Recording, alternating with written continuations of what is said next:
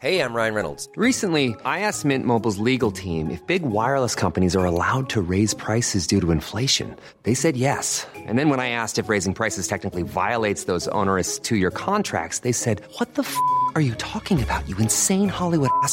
F- So to recap, we're cutting the price of Mint Unlimited from $30 a month to just $15 a month. Give it a try at mintmobile.com slash switch. $45 upfront for three months plus taxes and fees. Promo rate for new customers for limited time. Unlimited more than 40 gigabytes per month. Slows. Full terms at mintmobile.com.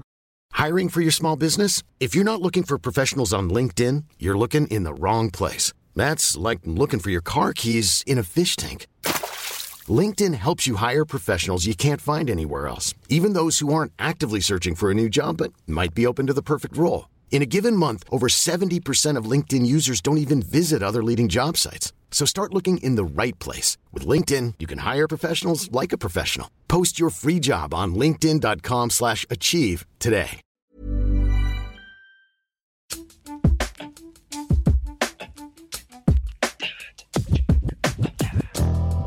Du lyssnar på det 102, säger man så, avsnittet av Britta och Parisas podcast. Varje vecka om kultur och nyheter, er machete i misären.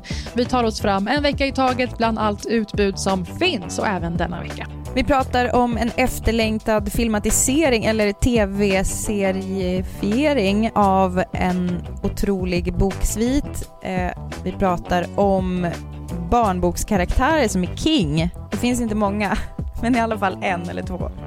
Det blir en del höga rövhål och kvinnor som lever på sin attraktionskraft hos män i boksamlingar jag har samlat. Och så kanske jag dyker upp som en, ny, en del av en ny duo snart i tv. Hintar om det. Högt rövhål var en hint till mig att jag är. Alltså typ, det, alltså typ, typ en så här, ett riktigt jävla rövhål, det är liksom ett högt rövhål. Ja. Nu kör vi! Välkomna! Välkomna.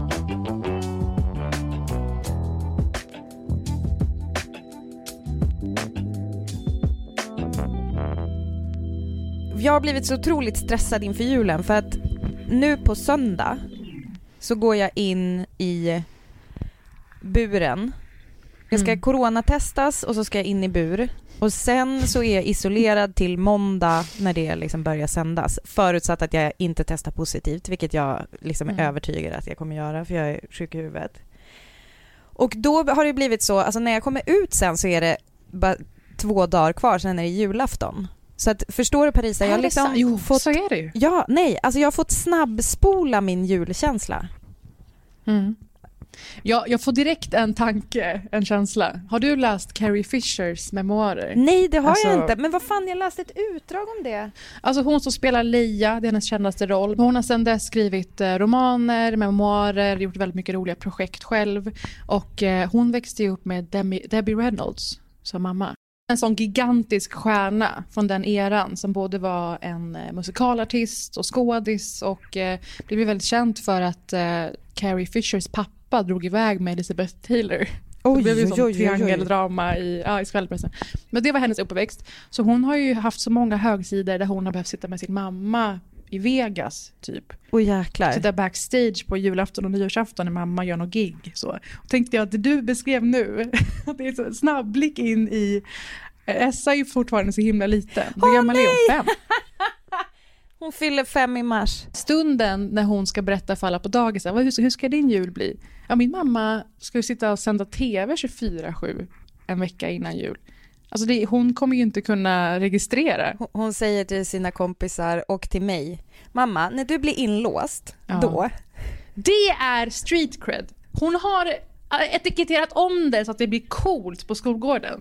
Istället för att min mamma gör en fin insats för Musikhjälpen. Åh, min mamma är så himla PK och duktig. Pang! Min mamma ska bli inlåst. Och Essas liksom, street cred bara skjuter i höjden. Jag har ju då fått spida upp takten med vilken julen liksom eh, höjs volymen på. Eh, Kan jag säga så? Alltså typ att, du vet, brukar ändå, man brukar säga ease into it. Mm. Nu har ju jag tjuvstartat eftersom det här var så pissigt år och jag kör typ hela november, men ändå. Du vet, plötsligt så har jag bråttom. Alltså så här, fixa gran, pynta satan och så här. Eh, och då kommer jag att tänka på en grej som jag har börjat med på sistone för att det var ganska kul när jag kom på att när man är vuxen då får man ju bestämma själv vad ens traditioner ska vara. Mm. Det är ju extremt härligt och jag tror eventuellt att du och jag pratade om det kanske förra året att jag och min syrra alltid tittar på Elf varje år. Mm. Eh, denna underbara film där Will Ferrell växer upp, eh, ja, hos jultomten. Men det visar sig att han var liksom en bortbyting, ett riktigt människobarn istället för en liten eh, Santas little helper typ. Så att han eh, åker till New York för att leta reda på sin biologiska pappa och det är också därifrån min son Björn har fått sitt fjärde namn eh, från en scen när Will Ferrell är på sin pappas kontor och träffar en människa med ett härligt namn. Eh, han heter Francisco, Mm. eh, så Will Ferrell bara Francisco, that's fun to say. Och då, nu fick Björn heta det. Morning, Mr. Hobbs. Sarah. Morning, Sarah. It's a nice purple dress. Very purpley. Francisco. Francisco, that's fun to say. Francisco. Men i alla fall, så Elf tittar jag på varje år. Och i år har jag lagt till en ny tradition. Eh, som är, ah, eh, känner du till Casey Musgraves? Vagt. Men mest för att det är ett roligt namn. Jag har fnissat åt det i, fi- i feeden. Musgrav tänker du eller? Uh, well. Alltså allas mental image av vad en musgrav egentligen är. Eh, skicka oss gärna dem om ni är begåvade med eh, pennans Det makt. är, en, se- alltså det är en sext jag ser fram emot att skicka någon dag.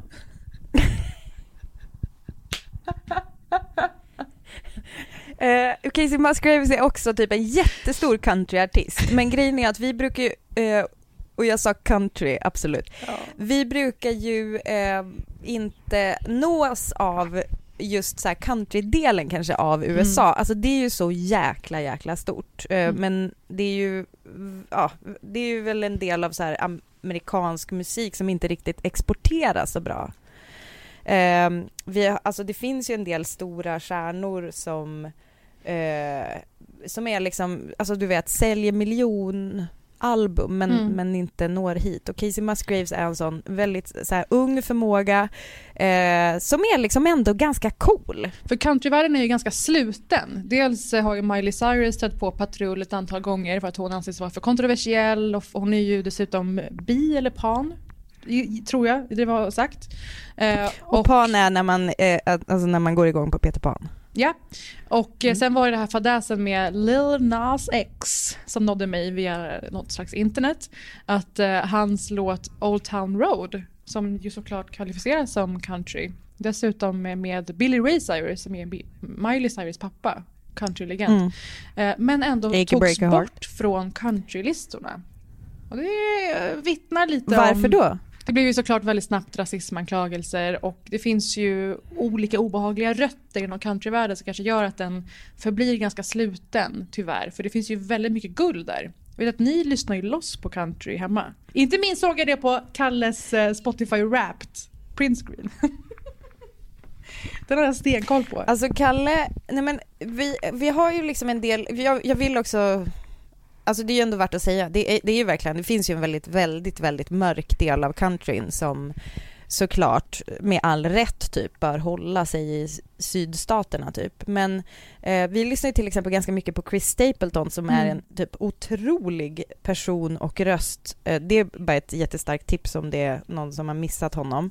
Ehm, han är en sån där klassiker som typ har skrivit en massa låtar åt andra och sen till slut klev fram i rampljuset själv och har ju gjort någon låt med eh, Justin Timberlake och så här. Mm. Casey Musgraves har i alla fall gjort en eh, Christmas special som jag för mitt liv inte kan hitta på internet. Den ska finnas på Amazon Prime men det kanske inte finns på Amazon Prime i Sverige, jag vet inte. Man kan kanske punkladda ner den. Jag hittar klipp på internet men framförallt så finns den på Spotify att lyssna på. Let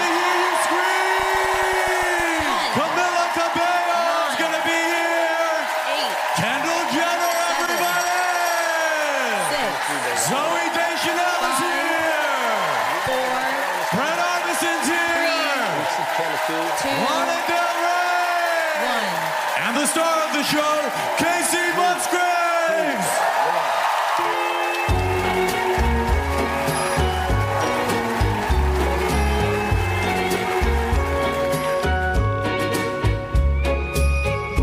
Have yourself a merry little Christmas. Let Hon your har gästat artister som eh, mitt i och för sig hat men gör en väldigt bra låt tillsammans med Lana Del Rey. Mm. I'll be home for Christmas, en jättebra version. Fred Armisen är med Parisa. Nej. Den är liksom lite, den är som lite rolig, alltså som en så här mysig grej att ha puttrandes i bakgrunden. Alltså verkligen det som jag tycker kanske saknas med att inte titta på linjär TV längre. Att man liksom bara har något som står och skvalar. Och då har det här blivit det för mig. En slags extremt mysig, Zoe de Chanel gör ett gästinhopp och så vidare. Eh, och eh, ja, det, det är ett starkt tips. Den släpptes förra året men det kan man kolla in för lite mer julkänsla. Men till exempel det här A Very Murray Christmas 2015. Då var det ju Bill Murray som bjöd in massa kompisar. Och då gillar man ju det här att överraska sig på olika nya personer och röster. Det var ju allt från Rashida Jones till såklart Maya Rudolph och sådär. Och sen nu i år så finns det ju dessutom att Mariah Carey gjort någon bombastisk eh, julhappening. Och det är det här som får ersätta Oh. de många, många julbord som, nej men kanske inte du och jag, men som många faktiskt går på varje år. Man är anställd på Mm. något gött företag och man ska ha en stor julfest. Kanske kommer någon känd person eller poddare, typ jag och Britta och skojar lite mer. Och det har alla gått miste om. Så jag tycker att det är synd att inte det finns någon svensk kanal vad jag vet som gör någon sån rolig, matig, eh, fylld av cameos julspecial. Jag har inte sett det. Du kanske får göra det i Musikhjälpen. Har du förresten sett klippet på när Carola tar in Stefan Löfvens tal när han säger att alla publik måste begränsas och åtta pers är det bara som får ses. Har du sett det här? Alltså det är, känslan är att Carola nås av verkligheten för första gången. Och man unnar henne det. Alltså hon har lyckats hålla sig utanför detta så länge. Det, det är en little piece of comedy som är så underbar för att hon inser ju då att alla julkonserter är inställda.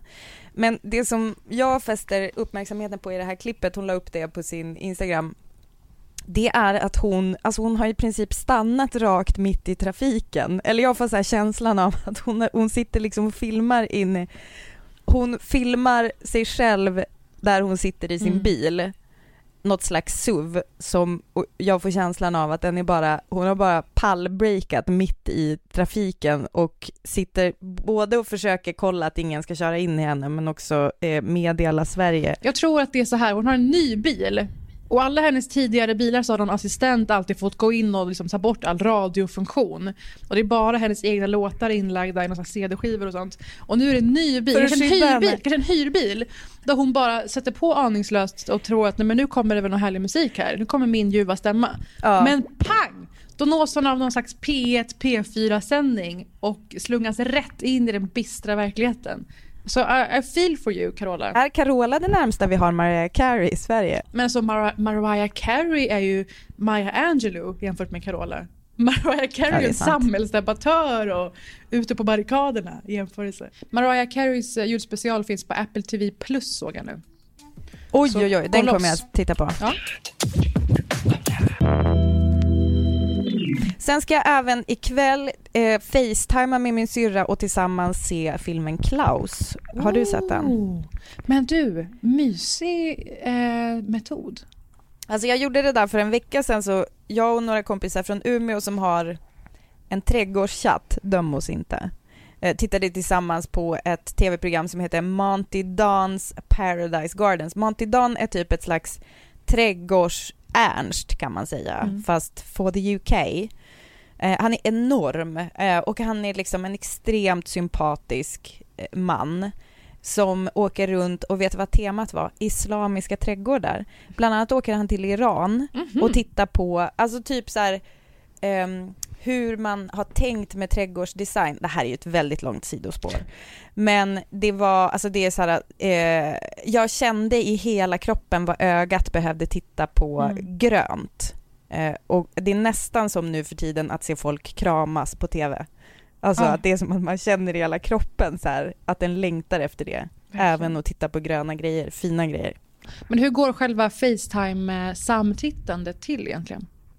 Då är det så här Då eh, börjar man att ses på Facetime och så hejar man och så sen så pratar man kanske lite grann om det man ska titta på. Mm. Sen så övergår man till chatt, alltså typ sms eller någonting med, när man tittar. Man behöver liksom inte ha Facetime igång när man sitter och tittar, men det är ändå som att man tittar tillsammans. Man måste leverera med kroppsspråk annars, det blir så kravfyllt om man skulle ha Facetime på hela tiden. Man måste skratta Ja, men så överdrivet och ja.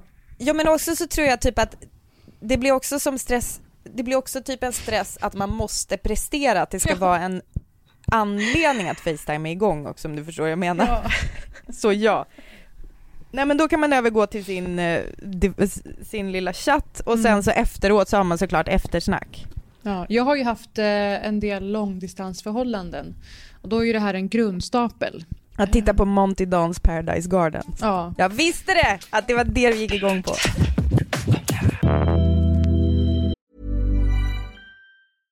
Hey, I'm Ryan Reynolds. At Mint Mobile, we like to do the opposite of what Big Wireless does. They charge you a lot, we charge you a little. So naturally, when they announced they'd be raising their prices due to inflation, we decided to deflate our prices due to not hating you. That's right. We're cutting the price of Mint Unlimited from $30 a month to just $15 a month. Give it a try at mintmobile.com slash switch. $45 upfront for three months plus taxes and fees. Promo rate for new customers for limited time. Unlimited more than 40 gigabytes per month. Slows. Full terms at mintmobile.com. I'm Sandra, and I'm just the professional your small business was looking for. But you didn't hire me because you didn't use LinkedIn jobs. LinkedIn has professionals you can't find anywhere else, including those who aren't actively looking for a new job but might be open to the perfect role, like me. In a given month, over 70% of LinkedIn users don't visit other leading job sites. So if you're not looking on LinkedIn, you'll miss out on great candidates like Sandra. Start hiring professionals like a professional. Post your free job on linkedin.com/achieve slash achieve today. Alltså vi har ju inte pratat om att jag eventuellt ingår i någon ny slags legendarisk eh, duo. Har du några gissningar? Um, alltså det känns som att du och Gina kanske skulle göra något ihop. Det är inte o- Nej. orimligt. Gina Dirawi, lyssnar du på det här? Det gör hon faktiskt. Men eh, det är inte henne jag syftar på nu, det är en annan stor talang som jag hade turen för min del att få vara i närheten av. Men eh, det var så att till hennes stora förtret, nej men till att hon fick ha överseende med mig, så var jag på en inspelning med Lisa Nilsson förra veckan. I What, what, what? 12 timmar ungefär. Va? Och hur det, varför det här kom sig, bryggan var ingen mindre än Benjamin Ingrosso. Och jag trodde det här var hemligt så jag la upp lite hemliga, hemliga Instagram stories. Tänkte jag skulle göra en sån riktig eh, B-kändisgrej och skriva nu kommer det något spännande i februari. Eh, Men då så la Benjamin bara ut det hux flux. Så jag antar att jag får Jaha. berätta om det. Eh, han har ju ett Ja, nytt slags Pluras kökaktigt program på fyran som han kommer ut med i vår. Alltså jag är inte den första att bara säga ja till någonting. Och ja, jag vill vara med. Det är en sån liksom, lite Mm. reality kändisintervjuaktig eh, sak. Verkligen inte. Men Långt ifrån. när det är Benjamin Ingrosso som ringer. Ja, och har haft den stökigaste månaden i mitt liv. Har egentligen noll energi och tid. Men eh, kände bara att det här är helt, det är så jävla roligt. Och sen dessutom höra att jag ska spela in med Lisa Nilsson och Petter. Eh, så jag kände bara att, att jag ens får vara med på ett hörn på den här inspelningen är, det är som min stora dag. Fast för mig. Att jag har vunnit någon slags tävling eller någonting. Vad är det värsta som kan hända som jag kan göra som jag sen känner så här, gud vad ovärdigt det där var. Gud vad jag inte borde ha gjort det och det. Eh, antingen rappa eller dansa. Du, jag har sjungit en duett med Lisa Nilsson. Jag har Sjunga! eventuellt backup-rappat med Petter. Får jag vara någon slags djävulens advokat Hemskt och gärna. säga att jag hoppas lite att du inte ska få igenom din censur? Det hoppas de, de också. Folk, folket kommer vilja se det här. Då, då är det det sista ni ser av mig. Det kan jag verkligen säga. Kommer du gå under jorden om det visas när du, för du måste ju ändå förstå att det är bra innehåll. Så här, Lisa Nilsson och du sjunger en duett. Petter drar en rap. Du, han, han lägger micken mot dig, så här, rygg mot rygg och så lägger han micken mot dig. Och du bara rappar med. Åh. Åh nej, förlåt. Så det blir skakande scener från det och eh, i och med detta Tänkte också Nej men nämna. vänta, vänta, Ja. vänta. Hörs ni fortfarande? Alltså jag ska ju fira nyår med Lisa Nilsson. Ja men såklart. Det visste du I väl? TV. Hon är en av våra artister i år. Gud vad Och jag mysigt. ska intervjua henne. Ja, perfekt. Men gud, alltså det här är Lisa Nilssons säsong och inte bara för att hon ska dras med mig på nyår igen i SVT utan hon är aktuell med en ny dokumentär på SVT Play som gick på TV i veckan också. Lisa Nilsson, ett porträtt. Har du sett någonting om detta? Nej, men jag kommer titta dirr för att jag älskar Lisa Nilsson. vet. alltså jag älskar hennes röst. Det är en av mina bästa svenska. Kan, ni kan få en lista sen, men hon Men är där. också pondusen. Hon har varit en sån motvikt till hur kvinnliga artister eh, lyfts fram och sållas bort ganska systematiskt ju. Det finns en annan brintid generellt på kvinnliga artister kontra manliga. Det är sedan gammalt i hela musikindustrin. Och eh, det kommer upp en del sådana snack i den här dokumentären faktiskt. Jag är ganska imponerad på så sätt. Och sen är hon ganska öppen också med hur hon har behandlats eh, medialt. Han skulle tala om för mig vilken sort jag var. Att jag var för honom, i- för mig är du mer en Brigitte Bardot. Så till vilken grad tänker du spe, anspela på din sexualitet? Niklas... Ehm, nej, men vad sa jag nu? Vad heter han? Eh, journalisten Niklas Ekdahl. Lennart Ekdahl menar jag. Lennart Ekdahl, Mm, ja. inte Niklas, inte hans bror. Utan För hon har ju behandlats som någon slags mystisk diva. Då blir man ju mer av ett väsen än en riktig människa på något sätt. Och då kanske den här Ekdahl-personen känner sig mer, att han har större rätt att säga någonting sånt till en ung artist. Eh, jag känner igen mig väldigt mycket i hur hon har bemötts eh, sexistiskt i intervjuer och i sin bransch. Och eh, det är ju fortfarande en verklighet såklart. Hon är ju väldigt personlig. Hon kör ju den personliga stilen också på, på Instagram numera.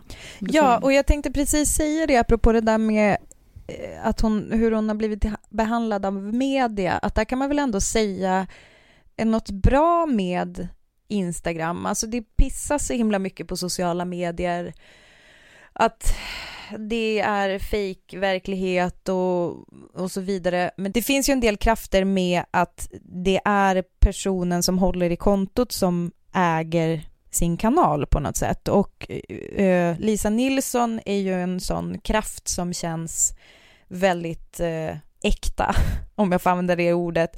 Ehm, där det känns som att vilken, vilken jävla ynnest att få lära känna henne på det sättet. Eh, självklart så liksom, alla visar inte allt och eh, den här jämförande grejen som händer mycket på Instagram är ju såklart eh, inte så bra för alla, men det finns, alltså när det är just en sån som hon så tycker jag typ att det är ganska härligt att, att vi får se det. Och jag har ju över åren hört eh, många i branschen prata om dels kvinnor som Lisa, som alltså är väldigt självständiga och har mycket integritet, går inte med på vad som helst, att de är citat jobbiga.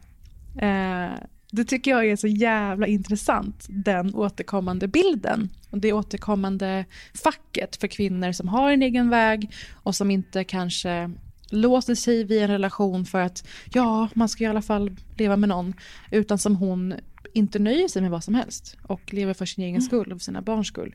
Jag tycker det var jätteinspirerande att se och eh, även om jag inte har levt det liv Lisa lever så var det, jätte, var det jättemycket jag verkligen kunde stärkas i verkligen, i det hon berättar. En grej som jag missade att få med i förra veckans avsnitt, det, det är typ en vecka gammalt, och det är att romansviten om Jana Kippo, jag får ner till bror, vi får upp med mor, sen får jag hem. Hoppas att jag sa det i rätt ordning Alltså, det eller lät med rätt som en ord på sån. Umeå-rap Av, du drog precis. av Karin Smirnoff ska äntligen bli tv-serie. Det har ju varit bud om det här ända sedan den, släpp, den första boken släpptes och det berättar de om nu därför att Filmlands är de som eh, knep rättigheterna till slut och eh, producenten Anna Wallmark berättar att hon länge gått och väntat på den typen av glesbygdsberättelse eftersom hon själv kommer från en by som heter Myckle som ligger utanför Skellefteå. Eh, och så kommer då Karin Smirnoffs eh, bok eh, och Anna Wallmark försöker köpa den här direkt men det blir ju eh, flera eh, olika bolag som är intresserade av det här.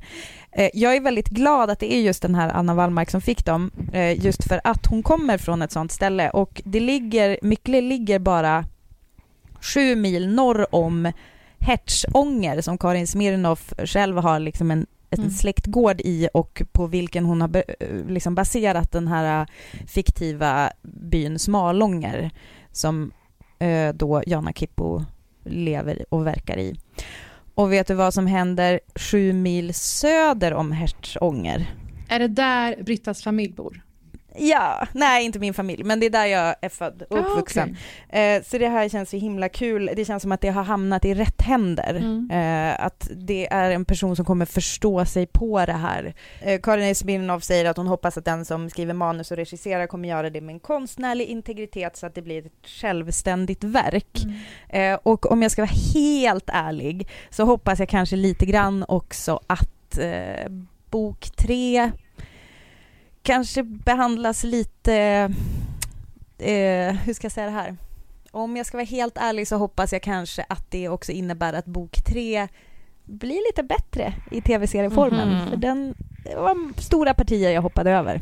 Scrollade Men förbi. generellt väldigt peppad. Men alltså den självklara frågan är, vem tycker du ska spela henne? Ehm, det är svårt för att Jana Kippo har ju ett väldigt så här, säreget utseende. Hon är ju albino. Eh, Mhm. och det är såklart att mycket kan fixas med smink och sådär. Eller såklart att vem som helst egentligen kan spela henne. Men det skulle vara mäktigt att se någon l- liksom kanske antingen någon sån här svinbra amatör eller någon så här jätteotippad. Alltså typ nu är ju Gissem väldigt så här, top of mind för mig. Mhm. Men det skulle vara ganska coolt att se Gissem Erdogan i den typen av roll. Jag tänker att hon har den här styrkan. Men om vi bara ska tänka loss. Sådana här storserier är ju ett gyllene tillfälle för en kändis att branda om sig. Att Victoria Silvstedt kliver in till exempel och ska bli kreddig Åh, i och med en sån här roll. Eh, Men Oj, jag kommer att tänka på Malin Levanon som var med i Tjuvheder. Kan det vara något? Hon har lite det här ruffa, Ja, just det. hon har levt lite kargt, kan spela det ganska bra.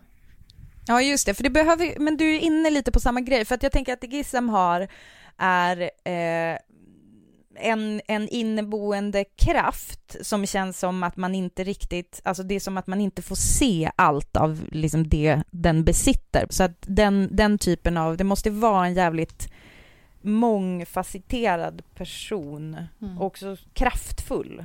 Ja, det ska bli sjukt spännande att se Ja, hur castingen blir. Kommer det här väga upp vad eh, Björnstad har gjort för ytterligare stereotypiseringen av norrländska orter eller kommer det bara förstärka? Alltså tyvärr förstärker ju, om man tittar på hur historien ser ut så det är klart att det är väldigt mycket som förstärks. Mm. Men kanske, alltså i bara hur man behandlar karaktärerna och sådär och inte bara göra det så enkelt för sig. Jag tror absolut, alltså jag hoppas, jag tror Anna Wallmark är rätt person i alla fall som producent för det här. Så jag är svinpeppad faktiskt. Det får vi väl se fram emot om typ, inte vet jag, hur lång tid tar en sån där process? Tre år? Ja, perfekt. Jävla otålig redan nu. Du har ju kläckt ur dig en hel del format genom åren. Vi kan ju säga åren nu, för det är två år av poddande. perfekt. Och vad har du för favoritformat av de du har uppfunnit? Det måste vara, är det bara jag eller, eftersom den gått på export. Den har stulits vilt, sant. Eh, Men du kom också med, vem var det som snacka? Och då var det apropå att jag skulle gissa olika citat tror jag.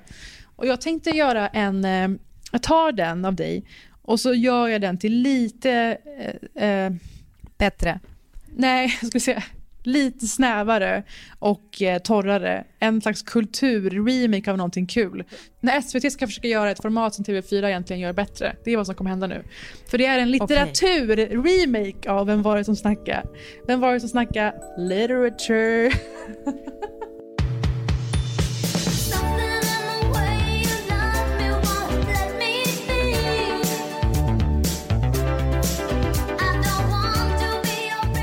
Och då är det så att jag kommer läsa upp olika citat för dig på både engelska och svenska. Och det är både från böcker jag har läst nyligen och en del äldre verk. Det kan vara senaste tio åren, det kan vara senaste hundra åren vet du. Eh, för att göra det lite svårt. Så det är inte någon jätte... Det hänger ju inte på att du ska kunna gissa exakt rätt. Det är snarare wow om du gör det. Men det är kul att höra din gissning bara. Förstår du? Eh, Jag fattar. För det som är Ja. grejen sen är att alla de här är olika sorts statements eller roliga sägningar som bär på en sån träffsäkerhet och sanningshalt. Och då ska jag kolla av det med dig. Hur sant var det här? Eller hur sant tycker du att det här är?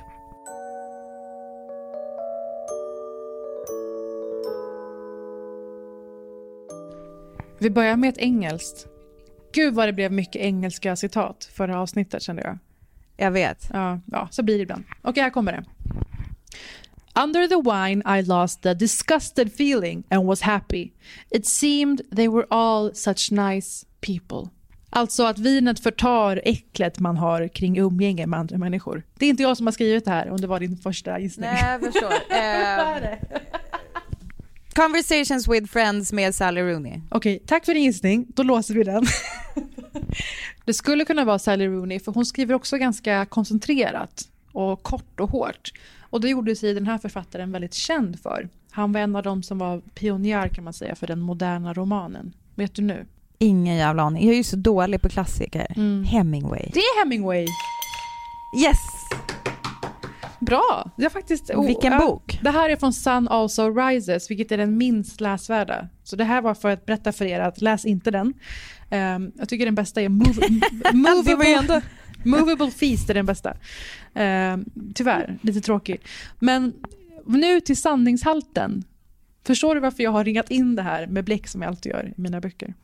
Det, det finns väl ingen som inte kan skriva under på det? Nej. Och det här är ju också varför det är alltid på tal. Om man dricker för att stå ut med folk eller om man dricker för, alltså det här som vi har varit inne på, varför man dricker egentligen. Och jag läste den här och kände, aj vad ont det gjorde. Den gick rakt in. Det är mitt sociala lube kan man säga. Men det förstår jag att det är för folk, för det är jobbigt att handskas med människor.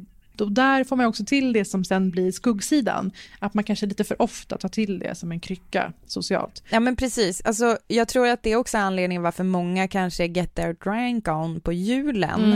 Mm. Eh, jag kommer inte från en sån familj och det är ju på sätt och vis, det är ju ett tveeggat svärd på något sätt för att för mycket av det goda höll jag på att säga, alltså blir det för blött så kan det ju svänga och så blir, blir alla osams istället. Ja. Så att det gäller ju att balansera perfekt på den där. Nej, det är ett risky little game. Håll er till två enheter som jag. Okej, nästa säg! Då ska vi ha en gissning på vem och sanningshaltsanalys. Jag mindes exakt hans skinkor, för han var så smal att det såg ut som om han hade rövhålet på ryggen. Okej, då, nu tänker jag ju så här, någon som dels skriver så explicit och också skulle använda ordet rövhål. Mm. Jag tror, och som ligger med en sån smal, Tone Schunnesson. Men vad är det med dig? Va? Har du läst den? Va? Har du läst? Fick jag poäng? Alltså det här är... Nej, jag har inte läst. Det här är det mest oväntade. är det sant? Nu, det här är så roligt för du, du sätter ju fingret på det för hon är ju både väldigt litterär i sitt språk och väldigt eh, Ja. klassiskt duktig så. Men är heller inte rädd för att dra till med rövhål. Nej men alltså vet du vad jag tänkte? Jag försökte tänka mig hur hon skulle säga rövhål, alltså på sin skånska. Det här, jag är väldigt stolt över den här poängen. Fan Tack så vad mycket. mäktigt, bra. Jag tycker att det är en och en halv poäng har du nu måste vi säga. Hur eh, träffsäkert porträtt var det här tycker du? Eller beskrivning? Alltså jag måste säga att, är det, ska jag säga att jag har haft turen att inte ligga med så smala? Är det taskigt? Smalhatar jag nu? Alltså jag gillar ju lite köttigare. Men det var Killar. väldigt roligt tycker jag. Man förstår vad hon är far efter. Förlåt. Absolut. Det här är alltså från Tone Schunnesons eh, Dagarna, dagarna, dagarna. Hennes andra roman. Första tripprapporter blev ju väldigt, väldigt hyllad. Ehm, och Dagarna handlar om Bibs som är en slags övervintrad influencer. Och det finns väldigt många kopplingar mellan den här boken och eh, skulle jag vilja säga dels Otessa Morsfeggs bok som vi har läst båda två. A year of rest and relaxation. Your rest and relaxation. Men att vara en person som inte... Ja men en lite blasé person. Mm. Någon som har eh, desillusionerad liksom. Dels det, och sen också hittar andra överlevnadsmekanismer på något sätt. Saker att ta sig fram på, sätta hopp till. Och det är ganska intressant. Det har varit mycket snack om att den handlar om pengar. Eh, det är en väldigt obehaglig destruktiv relation i centrum av berättelsen. Och Tone är väldigt bra på att hitta sätt att beskriva det där på hur det växlar fram och tillbaka. Det pågår någon slags lek med att även en kvinna som inte är felfri förtjänar även hon våra sympatier så att säga. Även en kvinna som ljuger hela tiden och blir utsatt för det ena och det andra. Vi får se de, de hemska saker hon också gör på något sätt. Så det, den är ganska intressant på så sätt. Jag är väldigt peppad på att läsa den här eh, för att jag har en spaning på gång som eh, där jag samlar på mig olika pusselbitar just nu, men den handlar om porträtteringen av en influencer. För jag vet mm. inte om du minns det när jag, när jag berättade om Such a fun age mm. skriven mm. av Kylie Reid som handlar om en en eh, nanny eller en babysitter som blir anklagad för att ha kidnappat barnet hon vaktar. Hon barnvaktar ju, eller hennes mamman i familjen där hon barn, barnvaktar är då en influencer och det är ett så pass eh, platt eh, eh porträtt av det. Och varför jag Eh, och jag har liksom stött på det där lite sen dess i ny litteratur där folk liksom försöker sig på att beskriva en influencer. Det, det är så intressant tycker jag också liksom från lite grann inifrån perspektivet.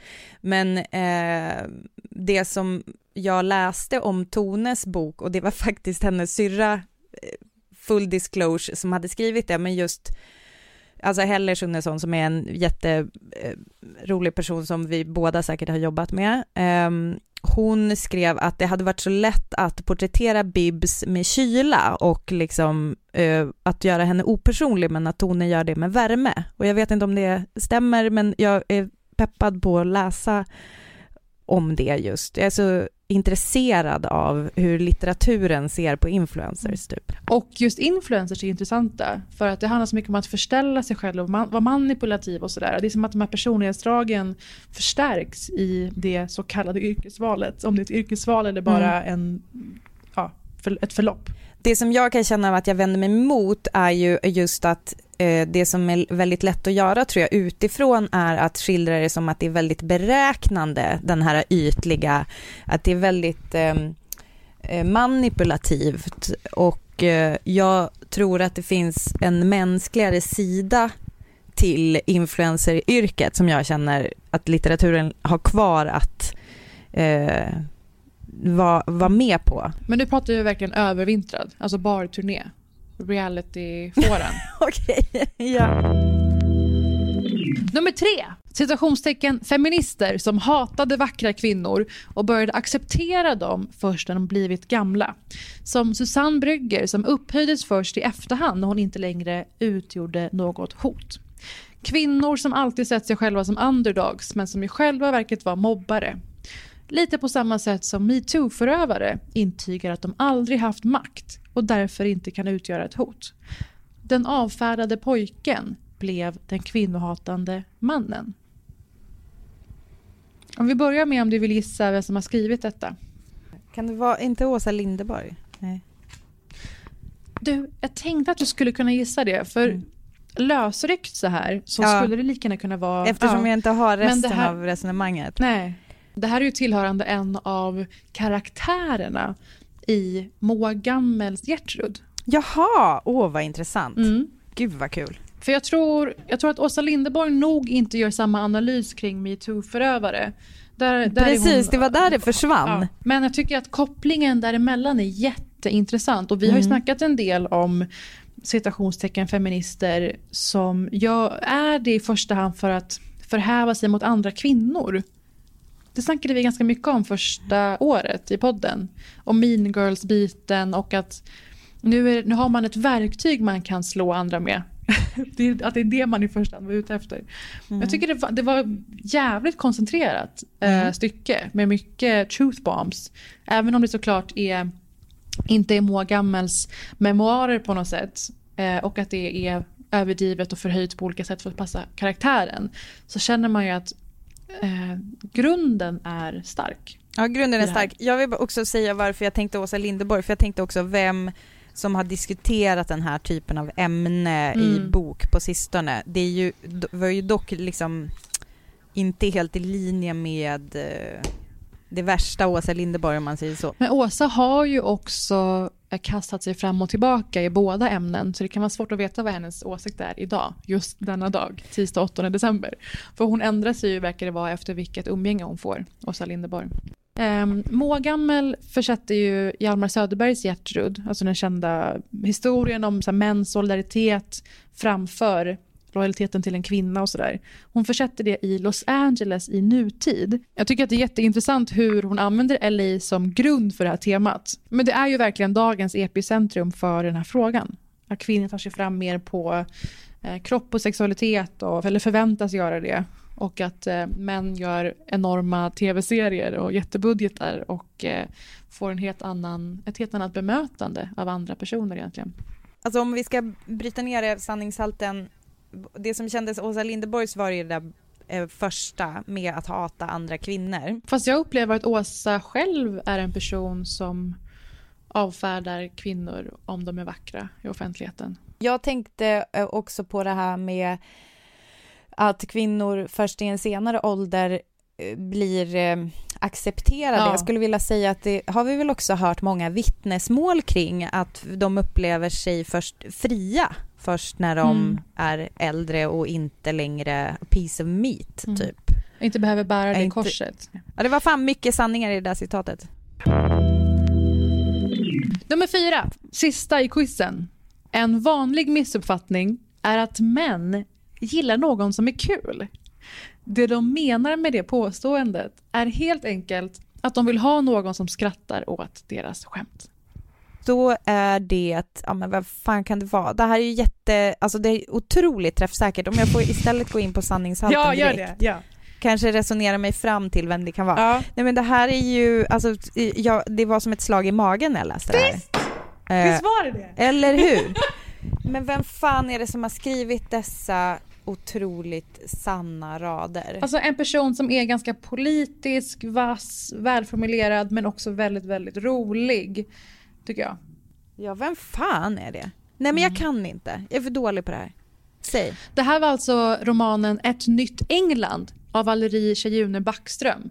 Valerie är ju liksom du en av mina gamla rekryterade, roliga, fantastiska röster om samtiden och annat. Eh, hon har gett ut en roman. Gick och skrev en bok Ja. Det känns helt eh, fantastiskt. Och eh, den här har säkert sett florera en del i mitt flöde. Och jag har också haft med henne, intervjuat henne i en tidning. Och eh, jag tycker att den är väldigt intressant. Om vi bara landar i det här citatet, det här säget. Alltså du förstår underbart. Ju varför jag, ja, nej. Du förstår ju varför jag gjorde massa cirklar runt det här i min bok med rött bläck. Det känns lite som när man hittar ett klädesplagg som det känns som att man redan äger. Mm. Alltså det är som att, jag tror att det här citatet, varför det känns som att jag känner igen det också för att det klingar så jävla sant mm. så att det känns som att jag redan har hört det. Förstår du? Det är förmodligen en tanke som redan har tänkts eller som vi har pratat om fast inte riktigt formulerat exakt så. Och Valerie Tjune Backströms debutroman Ett nytt England. Jätteintressant, välskriven bok och eh, det är helt enkelt en kvinna som eh, har lämnat England för USA. Jag tror det ska vara både New York och England och hon är ung och hon är vacker och eh, hon helt enkelt är väldigt sökande. Och det är väldigt mycket att hon söker sig till olika statusmarkeringar och eh, ett bättre liv genom sin attraktionskraft till män. Så återigen ganska kontroversiellt men fortfarande väldigt, väldigt intressant. Ett snabbt tips innan vi avslutar eh, på bokfronten. Eh, om man liksom jag har problem med att läsa klassiker för sitt barn, eh, jag vet inte om du kan relatera till det, men så här, Törnrosa och Snövit, alla sådana där äh, sagor är ju smått problematiska eftersom de ofta går ut på att typ någon avsvimmad ska bli upphånglad av en prins. Eh, det finns ju vissa eh, brottsliga problem med det. Eh, och då kan man behöva skarva lite grann om man läser sådana där böcker för sina barn. Nu har Natalie Portman, av alla människor, tagit tag i det här och ger ut Natalie Portmans Fables där hon gör om eh, vissa klassiska eh, sagor till att vara mer inclusive. Eh, så att hon sällar sig till en lång rad eh, kändisar som har gett sig in på barnbokståget, eh, eller vad man ska säga. Där vi bland annat, alltså jag kollade bara lite snabbt om det här, Kobe Bryant skrev en barnbok. Eh, Union har också skrivit en barnbok när hon märkte att hon behövde mer representation eh, när eh, hon skulle välja böcker till sina barn. Kelly Clarkson har skrivit barnböcker, äh, men det finns så många. Jag tror Kate Winslet också har kommit ut med en barnbok. Men det är ju given succé. Du skriver elva sidor, någon gör jättefina illustrationer, sen är det bara, sen är det bara hova in. Men gud, jag hoppas att Natalie Portman projektet blir med lite mer finess än det vi skrattade lite åt förra veckan med John Legend. Eh, att han ska göra om eh, eller Babies hur? Ja men precis, det kan verkligen, verkligen bli krystat när det ska bli sådär politiskt korrekt. Det, det, är verkligen en fin linje man får balansera på. Men jag vill också då passa på att tipsa om man befinner sig i det här så kan man alltid vända sig till gamla goa eh, Astrid Lindgren. Jag, det är en person som lyfts fram mycket i sammanhanget är Pippi. Jag känner mig som jävligt trött på Pippi, eller det är liksom någonting med henne som är så jävla käckt och jag vill säga beskäftigt, fast jag vet inte om jag kan det ordet. Alltså jag tycker Pippi eh. är den första unlikable kvinnan vi satte på. Jag, ja, jag, kallar, jag hon... kallas ju Pippi av mina bror, brorsbarn, eller den som inte kan prata riktigt. Och eh, har också gett honom väldigt mycket ja, Pippi-grejer. Så jag, jag, är ett stort fan alltså. Men en favorit som man kan upptäcka så här i juletider är faktiskt Madicken. Madicken mm. är så jävla king. Eh, hon, man tänker inte på det. Jag, har, jag tror inte att jag har kunnat Madicken ordentligt tidigare, men att hon uh, är en så otroligt, uh, ja, ofta unlikable, alltså hon gör ganska risiga saker mycket. Mm. Hon verkar ha lite ADHD, ska upp på tak och klättra och hoppa ner med paraplyer och samtidigt förväntas hon liksom vara någon slags fin eh, liten tjej och så är hon, eh, gör, alltså hon är en true aktivist också eh, mm. och eh, står på de fattigas sida. Så att där är det verkligen, eh, fan shout out till Madicken. Vilken jävla king. Det var allt från eh, mig och Barnboksnytt. Eh, Men tack hörni för att ni har lyssnat. Då blir det frågespecial nästa vecka helt enkelt. får ni det blir det. det. Och så får ni och väl kolla på alla titta i TV. På Musikhjälpen. Och skänka pengar och göra massa roliga grejer. Ja! Puss hörni. Puss.